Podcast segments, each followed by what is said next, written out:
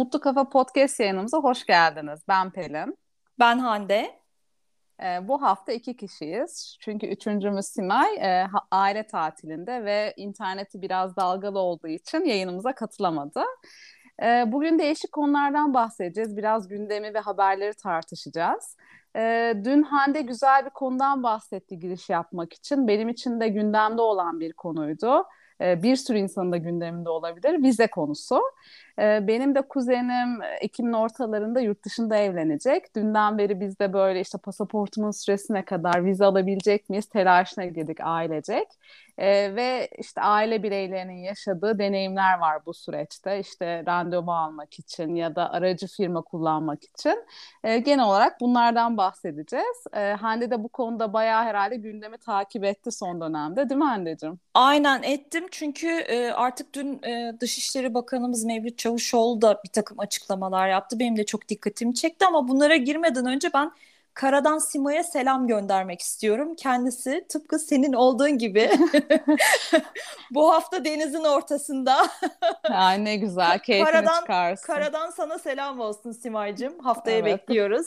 Sıcak Ankara'dan selamlar. Hem de nasıl evet. evet, evet e, valla dün işte benim dikkatimi e, ya uzun zamandır hatta biz hatırlıyorsan e, yaz başında da bu konuyu ele almıştık evet. Pelin. Konuştuk bu aralar çok e, sık red, red cevapları e, duyuyoruz sağdan Çünkü soldan Sinay, diye. Simay da Amerika'dan hani bir Hı, evet. şey için gidecekti ve yetişmemişti vizesi. Evet mesleki bir toplantıya katılacaktı. O da sunum yapacaktı hatta orada ve gidemedi Hı. bu yüzden. E, zaten gündemimizde olan bir konuydu. Fakat dün ben e, Dışişleri Bakanımızın da bu açıklamaları hatta kendisi şöyle bir ifadede bulundu. Biz artık bunun kötü niyetli olduğunu düşünüp gerekli aksiyonları almaya başlayacağız dedi. Umarım e, gerekli aksiyonları hakikaten alabiliriz. Çünkü e, Türkiye olarak bizim e, diğer ülkelere e, vize konusunda çok büyük kolaylıklar sağladığımız bir gerçek. Çoğu kapıdan alabiliyor, çoğu e, online alabiliyor vizesini e, internet başında işte bilgisayarın başında Türkiye'ye gelmek çok kolay aslında. Fakat bizim başka ülkelere gitmemiz her zaman çok zor oluyor. Dün mesela bu konuyla ilgili biraz da ekşi sözlükte neler yazılmış onlara bakayım diye e, ekşi sözlüğü taradım. E, insanlar şundan çok şikayetçiler. Yani yüzlerce sayfa döküman e, hazırlamamız gerekiyor. Bir sürü belge isteniyor bizden. Yani neyi nasıl hazırlayacağımızı zaten şaşırmış durumdayız. Bir de e, sen geçen programda da söylemiştin. Bu zamana kadar biz hep kendi başvurularımızı kendimiz e, yaptık. Ondan sonra aracı kuruma da gerek yok. Hani başına oturduğun zaman yapabilirsin kendi başına da diye. Ama insanlar o kadar çok belge var ki kafası karışıyor. Vakit ayırmak zor geliyor. O yüzden aracı kurumlara yöneliyor. Bir de e, bazı e, ülkeler de aracı kurum e, aracı kurum olmadan başvuruyu da kabul etmiyor diye biliyorum. Mesela ben İngiltere'ye kendim başvuramamıştım. Aracı kurum vasıtasıyla başvurmuştum vize almak için. Böyle durumlar da var. Yani e, hem ücret olarak çok yüksek. Az önce seninle programdan önce konuştuk yani 80 eurolardan başlıyor fiyatlar değil mi? Kaç ne kadara çıkıyor Pelin? E, en son rakamlar sendeydi. Şimdi ben bayağı böyle bir kişilerle, aracılarla dünden beri konuşuyorum. Ee, şöyle 80 euro harçtan başlıyor doğru. Fakat hani bana birkaç kişi dedi ki 120 euro tutuyor harçlar. İşte totalinde 170 euro olan var, 180, 210 euro duydum VIP hizmet verenler. Ee, yani bir de şöyle bir durum var. Ben de dünden beri biraz sen deyince araştırdım. Şimdi Ankara Avrupa Konseyi Parlamenterler Meclisi'ne aslında bir rapor sunmuş. Demiş ki vize ücreti zaten çok pahalı. Üç tane konu varmış ana başlık.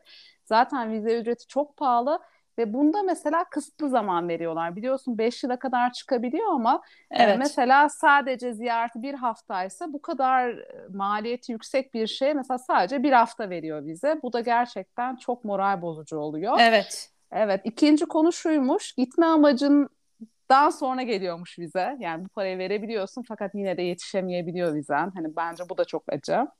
Yani gitme sebebi mesela bir fuar düğün ya olabilir. da bir düğün ya da bir e, arkadaşlarla tatil. Hani bu parayı, bu bedelleri veriyorsun fakat vizen yetişmeyebiliyor. E, üçüncü de demin dediğim konu çok doğru. Herkes diyor ki elektrik faturası bile bizden isteniyor. Yani ne tür belgeler, her tür belgeler. Bu aslında bir insan e, işte hakları ihlali olabilir. Yani evet. bildiğiniz bütün yaşantınızın tapu, banka şeyleri evet, evet. sunuluyor. Hani bu evet. üç konuya bir rapor sunulmuş ama tabii ki sonuç yok. Evet. Ondan sonra e, ve işte bu pandemi sonrası özellikle mesela 2015 yıllarında işte bu Schengen vizesi için her 100 kişide 4 red oluyorken hı hı. şu an bu rakamlar her 100 kişide 20-25'e çıkmış yani %20-25'e çıkmış çok yüksek. Hı hı. E, bunda da genelde diyorlar ki işte ekonomik sebepler seyahatini inandırıcı bulamadık ya da sunulan belgelere inanmıyoruz birbirini tutmuyor ya da işte o sürede geçireceğin eğer işte sürede mesela bir haftaysa orada harcayacağım bedel onların gözünde senin maaşından azsa e, red yapılabiliyor. Ondan sonra ve genelde de böyle 25 yaş altı genelde red olanlar çünkü işte hı hı. deniyor ki hani gidecek ve kalacak herhalde mantık evet. olarak. Ondan sonra hiç vizesi olmayanlar daha önce Schengen olmayanlar işte bir de her zamanki gibi en büyük problemimiz ekonomik gelir. E, çünkü nereden bakarsanız burada aldığınız ücreti euroya çevirince oradaki bir seyahatin e, bedelini bile karşılayamayacak duruma e, gelebiliyor. Hani evet. bunda da sadece hani başvuracakları öneri ne olabilir? Hani belgelerin uyuşmasına dikkat edebilirler kendileri başvuracaklarsa eğer. Hani gitme sebebiyle, banka bilgileriyle ya da buradaki sunduğun şeyle belgelerin örtüşmesi önemli. Orada Dediğim kalacağı gibi, yer. Evet, evet ya yani inandırıcı olmalı. Hı hı.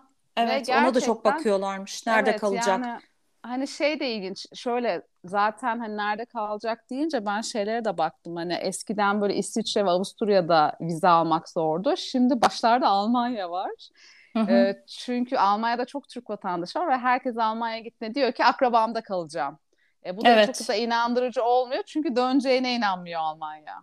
Evet doğru. Ondan sonra yani şey çok can sıkıcı konular. E, aslında yani e, düşünecek olursak orada yaşayan Türkler de aslında acayip bir gelir kaynağı ve iş gücü onlar için hani kalsa bile. Hı hı. E, hep konuştuk hani öbür şeyde de konuşmuştuk. Hani spontan bir yere gidememek gerçekten çok can sıkıcı. Çok can sıkıcı ve insanın ağırına gidiyor. Ben bir Türk vatandaşı olarak gerçekten ağrıma gidiyor. E, Amerikalı kalkıp işte internetten başvuruyor ya da kapıda gelip alıyor vizesini.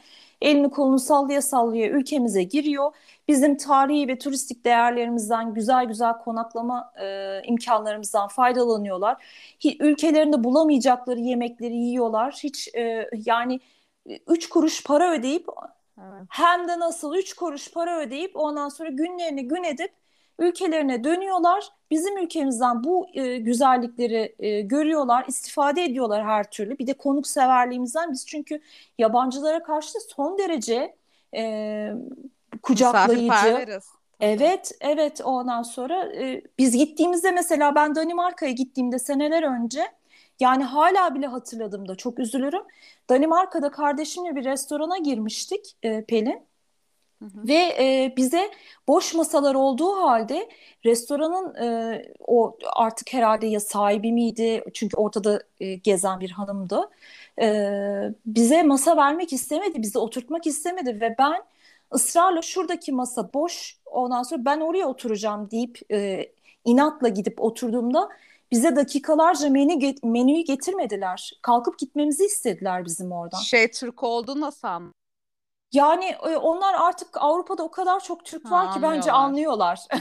hmm, anlıyorlar evet, yani anlıyorlar. Bu da bir psikolojik şey yani. Çok ee, çirkin ee, bir şey. Hiç o, zaten oturmadık orada o, o dakikadan sonra. Çünkü garsonu çağırıyorsun gelmiyor bilmem ne. Yani e bir de para ki, ödüyorsun. Niye böyle bir şeye para ödeyeceksin? İşte o kadar istemiyor ki yabancıyı. Parası şurada kalsın diyor. Anladın mı? Yani biz Türkler yurt dışına gittiğimizde bin bir işte böyle eza cefa çekerek işte pasaportlar, vizeler bilmem ne. Bir de Ve uçak karşılaştığımız de şu an. Aynen öyle. Karşılaştığımız evet. duruma bak. Onlar geldiğinde bizim gösterdiğimiz tutuma bir bak. O halde geliyorlar rahat rahat. Yani bu bir Türk olarak benim kanıma dokunuyor tabii ki. Evet aynen öyle. Yani bu kadar yakınız, bu kadar iç içeyiz yıllardır yani e, süre gelen bir şey. Hani sebebi hep soru işareti. Evet bilmiyorum ya bir sürü toplumsal sebep var tabii. Bir de e, acı olan taraf bu e, vize bedellerini ödüyoruz ama e, red geldikten sonra da o paralar iade edilmiyor maalesef. Bir de öyle tabii, bir durum tabii. var. Aynen öyle yani. yani. Şuradan nereden baksan hadi kendin başvurdun minimum bedel 80 euro ödedin desem hani çevirince gerçekten hani Evet, hemen çöpe hemen gidiyor. ücretin yarısı. Evet, çöpe gidiyor Tabii para. o da çok can sıkıcı. Ya da hani tek girişlik verirse ya da işte bir haftalık verirse o da can sıkıcı. Evet. Bir sebep Buradan- bakalım. Ben eskiden bir Almanya'dan 5 yıllık kalmıştım. Ee, şeye hep giderken, fuara giderken İDEF'e. O bitmiş maalesef. Ha, benim de bitti evet. Keşke Pan- pandemi zamanını saymasalar. Vallahi pandemi yedi benim de Schengen'imin son e, iki yılını yedi vallahi. Ona çok üzülüyorum ben de. Yalnız Ay ben şimdi Avrupa deyince ufak bir şey söyleyebilir miyim? Tabii, Sen tabii, lütfen. vizeyle ilgili.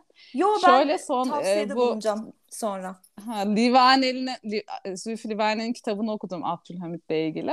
Ee, çok komik bir hikaye var. Avrupa hep o zaman da böyle. Aslında hep Avrupa'ya dönüyoruz ama hiçbir zaman onlar gibi olmak istemiyoruz yani tarih boyunca. Ee, Abdülhamit işte şeyiyle amcasıyla beraber Abdülaziz'le yurt dışına gidiyorlar. Ee, işte hem İngiltere davet ediyor hem Fransa davet ediyor. Hmm. Ve o zaman da diyorlar ki ay bir Osmanlı halifesi yabancı topraklara mı ayak basacak falan hani böyle bizimkiler şeye giriyorlar ve e, çizmesinin altına Osmanlı toprağı koyuyorlar. Hani böyle çok ilgincime gitmiş. Kitapta mı yazıyor bu? evet evet yani çok gerçekten hani şaşırttı beni. Şöyle ve gidince de bu arada çok etkileniyorlar. Hani hem İngiltere'nin sanayisinden hem hani Fransa'daki sanat, hani sokaklardaki saraylar, yaşam şekli, hani kadınla erkekle hem çok etkileniliyor. Yani çok ilginç bir şey. Hem de yani hem bu kadar yakınız hem bu kadar uzağız yani nasıl oluyor yıllardır hep soru işareti bunlar.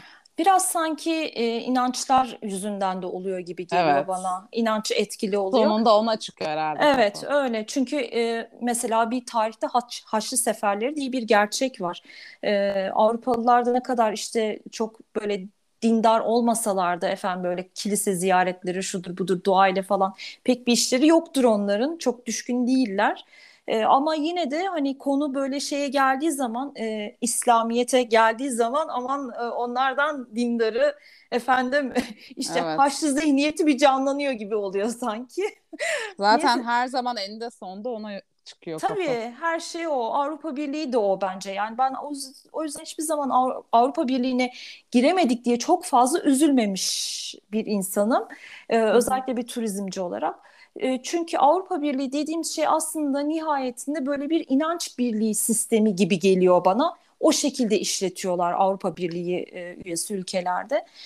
Ama neyse canım kendimiz memleketimize rahat, huzurlu ve e, mutlu olalım da yani bize çok da fazla hani şey yapmasak da olur o kadar. Gitmesem de Evet. olur benim huzurum yerimde olsun ülkemde. Bu arada bir şey de e, ilave etmek istiyorum Abdülhamit'le ilgili. Abdülhamit aslında şu anda sahiplenen çevrelerin lanse ettiği, anlattığının tam aksine son derece modern ondan sonra e, Avrupa'dan böyle kültürel, sanatsal e, etkinlikleri e, ülkemize yani Osmanlı Devleti'ne getirmeye çalışmış. Ondan sonra işte plaklar bilmem Tabii neler. yani- opera falan çok seviyor. Evet, evet, evet çok böyle vizyoner, e, yenilikçi bu tarz şeylere e, önem gösteren bir insanmış ama şimdi böyle tabii insanlar özellikle gençler de pek tarih okumaya hevesli olmadığından Abdülhamit sanki farklı bir e, kesimin e, anlattığı aslında yanlış Evet. bir imaja sahip şu anda. Yani şöyle ben bu kitabı öneririm. Şöyle güzel anlatmış. Hani başka Adını tarafından da e, Kaplanın Sırtında. Bu arada Ha, çok güzel bence tamam. ismi de. E, çünkü şöyle hani hep kaplanın sırtındasın, güçlü hissediyorsun ama indiğin anda kaplan seni yiyebilir. Hani Aa, bu da şeyin bir evet. gerçeği hani. Evet, doğru. E, ben şöyle beğendim e, kitabı. Yani gerçekten böyle değişik hikayelerle hem akıcı hem tarihi sevdiriyor. Hem de farklı bir gözden Abdülhamid'i görmeyi de sağlıyor. E, hani bence biraz da bu dönemde yazılması da biraz hani böyle hani Manidar geldi Hı hı. bana. E, bence her kesimin okuması gereken bir kitap. Hem Abdülhamid'in dediğim gibi farklı bir yönü. e, hani böyle insan olduğu da hani farklı tarafları da var. E, benim hoşuma gitti. E, bir de gençlerin bu kavgalarını hani dedin ya gerçekten bana çok saçma geliyor. Hani bu dönemde bunu niye tartışıyoruz? Yani e, hani neyini tartışıyoruz o da soru işareti. Bir de iki tweet okuyarak hani gaza da gelmemek lazım. evet. Yani otur bir araştır gerçekten. Hani Hele o müzikler. Ne, ne oluyor? Evet yani hani bana gerçekten e, çok saçma geliyor. İki böyle WhatsApp mesajından, tweetten hani şey yapıp da bu kavgalarla yani bence kendimiz de yıpratmamalıyız. Evet. Bir de ortada tarihi gerçekler var. Keşke e, okullarda da belki tarih derslerini yanlış verdikleri için tarihi sevmiyoruz. Tarih derslerinden evet. sıkıldık. Hep ezbere dayalı mı e, eğitim gördük bilmiyorum ama tarih aslında çok önemli. Son dönemde ben de e, daha önceki programlarımızda da bahsetmiştim. Lord Kinross'un Atatürk e, kitabını okumuştum ve evet. e, tarih derslerinden hiç hatırlamadığım şeyleri o kitapta okumak. Bir de e, daha sonra ben onu Nutuk'la karşılaştırmalı okumaya başladım. O zaman daha da pekişti kimi bilgilerim. E, herkese gerçekten çok çok e, tavsiye ediyorum. Özellikle şimdiki e, dönemde, bu dönemde gençlerin bilhassa e, ellerine tarih kitabı almasınlar ama e, tarihi gerçeklere dayalı bilgiyle destekli kitapları, bu tür kitapları okusunlar. Ben e, Livaneli'nin e, bu kitaptan sonraki Oksijen gazetesine verdiği röportajı okumuştum. Hatta bu kitabı da çok heveslendim. Alıp okuyacağım. Şimdi sen de beni çok özendirdin Pelin. E, demişti ki tarihi gerçeklere bağlı kalarak e, kurgu e, yazdım ama e, Abdülhamit'in hiç bilinmeyen özelliklerini de bu esere taşıdım gibi bir cümlesi var e, Livaneli'nin bu tarz kitaplar aslında okuyup en azından öğrenmeye çalışmalı evet, insanlar. Evet bir de aklında da daha rahat kalıyor. Hem de hani her şeye vakit var. Gençler için de söyleyeyim. Ee, ben bir tane e, podcast yapan kişiyi de takip ediyorum. Hani bakıyor ki çalışıyor şey yapıyor vakit yok. Mesela her gün bir saat erken kalkıyor kitap okumak için. Yani gerçekten mesela bu kitap böyle kalın görünebilir ama ben de iki iki buçuk günde bitirdim. Hmm. Yani sarınca şey yapıyorsun Tabii. kendin. Tabii ki bir dönem bir şeyden fedakarlık etmek lazım. Mesela dizi izleme Evet. Hani bu süreçte. Evet. Ama hani biraz erken kalkıp hani bir tık böyle bir yatarken okurken zaten hani evet. dediğin gibi okumak gerçekten çok önemli. Okuyup da fikrini söylemek. Yani bu da tabii ki dediğim gibi kısa kısa şeylerden okuyarak da olmuyor. E, çünkü çok kolay yönlenebiliyorsun bir tarafa. E, hani tarihi gerçekten bilmek herkes için çok önemli. Bilip de konuşmak. Ya da evet. konuşmamak lazım. Ya da konuşmamak çok doğru söyledin. Yani e, Twitter tarihi diye bir şey var bence artık insanlar tarihi de oradan uyduruyorlar. Mesela şu Lozan Anlaşması'nın gizli e, belgeleri e, şeyleri varmış ya hani gizli maddeleri ha, varmış ya. Evet. Yani her sokak röportajında e, mikrofon uzattıkları insan tutuyor işte Lozan Anlaşması'nın gizli e, maddeleri işte 2023'te sona eriyor süresi doluyor. ya nereden öğreniyorsunuz bunları ya? Twitter sağ olsun işte kimi zaman iyi kimi zaman da kötü işte. Aynen öyle. Her şeyi dengeli takip etmek lazım. Evet. Başka turizm nasıl iyi gidiyor mu? Vallahi, Ülkedeki haberler. E, turizm nasıl gidiyor? Turizm de aslında Antalya ve Alanya bölgesinde bu savaştan sonra benim e, arkadaşım da henüz geldi Alanya tatilinden. Bana de ki sokakta Ruslardan geçilmiyor Hande dedi. Hem e, zengin Ruslar hem de zengin Ukraynalılar dedi. Bence milletler savaşmıyor yani. Hepsi Antalya'da. Değil mi? Orada bir zirve e, yapılabilir. da hep öyle şey hani zengin Rusların tekneleri şeyler acayip Aman yani. Allah'ım ya Rus plakalı araçlar her yerde evet. dedi. Ruslar, Ukraynalılar her tarafta dedi. Yani herhalde bizim bu sene böyle güney sahillerimizi işte e, Ege sahillerimizi e, bu savaş nedeniyle Ruslar ve Ukraynalılar e, doldurdular.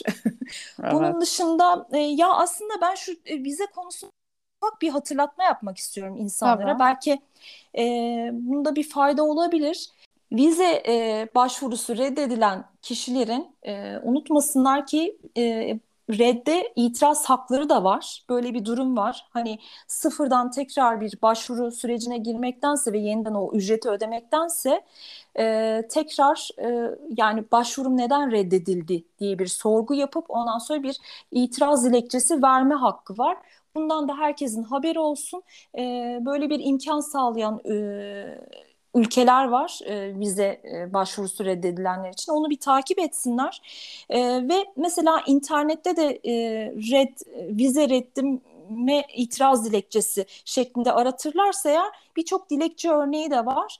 İşte bu, bunu yazarken mesela işte isim, pasaport numarası, adres, doğum tarihi gibi klasik bilgileri de e, dikkat etmeleri gerekiyor. Yani bunları doğru vermeleri gerekiyor ama en önemlisi de başvurunun amacını iyi ifade etmeleri gerekiyor ve reddin neden yanlış olduğunu düşündüklerine dair e, fikirlerini, savunmalarını açık bir şekilde, açık ve kısa bir şekilde e, yazmaları gerekiyor. Bunu da bilmekte fayda var.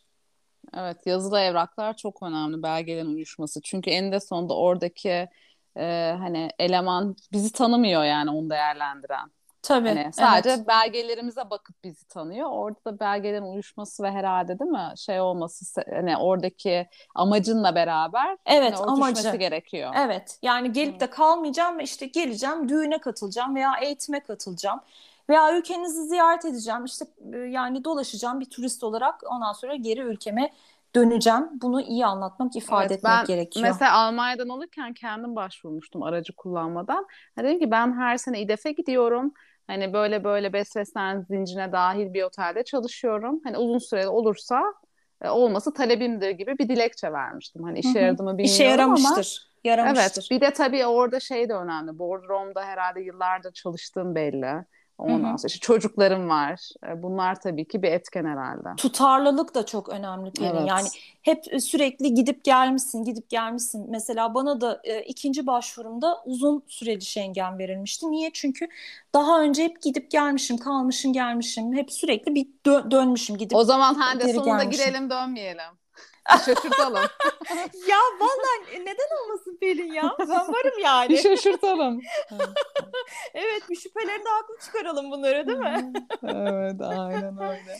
Neyse İyi canım bakalım. ülkemizi hayatta bırakamayız zaten. Ülkemizi çok seviyoruz. Evet, Ülkemizde hiçbir şey seviyoruz. şey değişmeyiz. Evet gideriz, evet. gezeriz ama geride döneriz yani. Evet ülkemize. güzel şeyler öğrenir döner ülkemizde uygularız. Aynen öyle. Evet canım benim. Öyle. Yavaş yavaş sonuna geliyoruz kaydımızın. Çok keyifliydi. Vize konusu gerçekten bence herkese dokunan bir konu. Umarım tüm başvuranlar uzun süreli alır ve bir an önce alırlar diye evet. temennide bulunuyorum.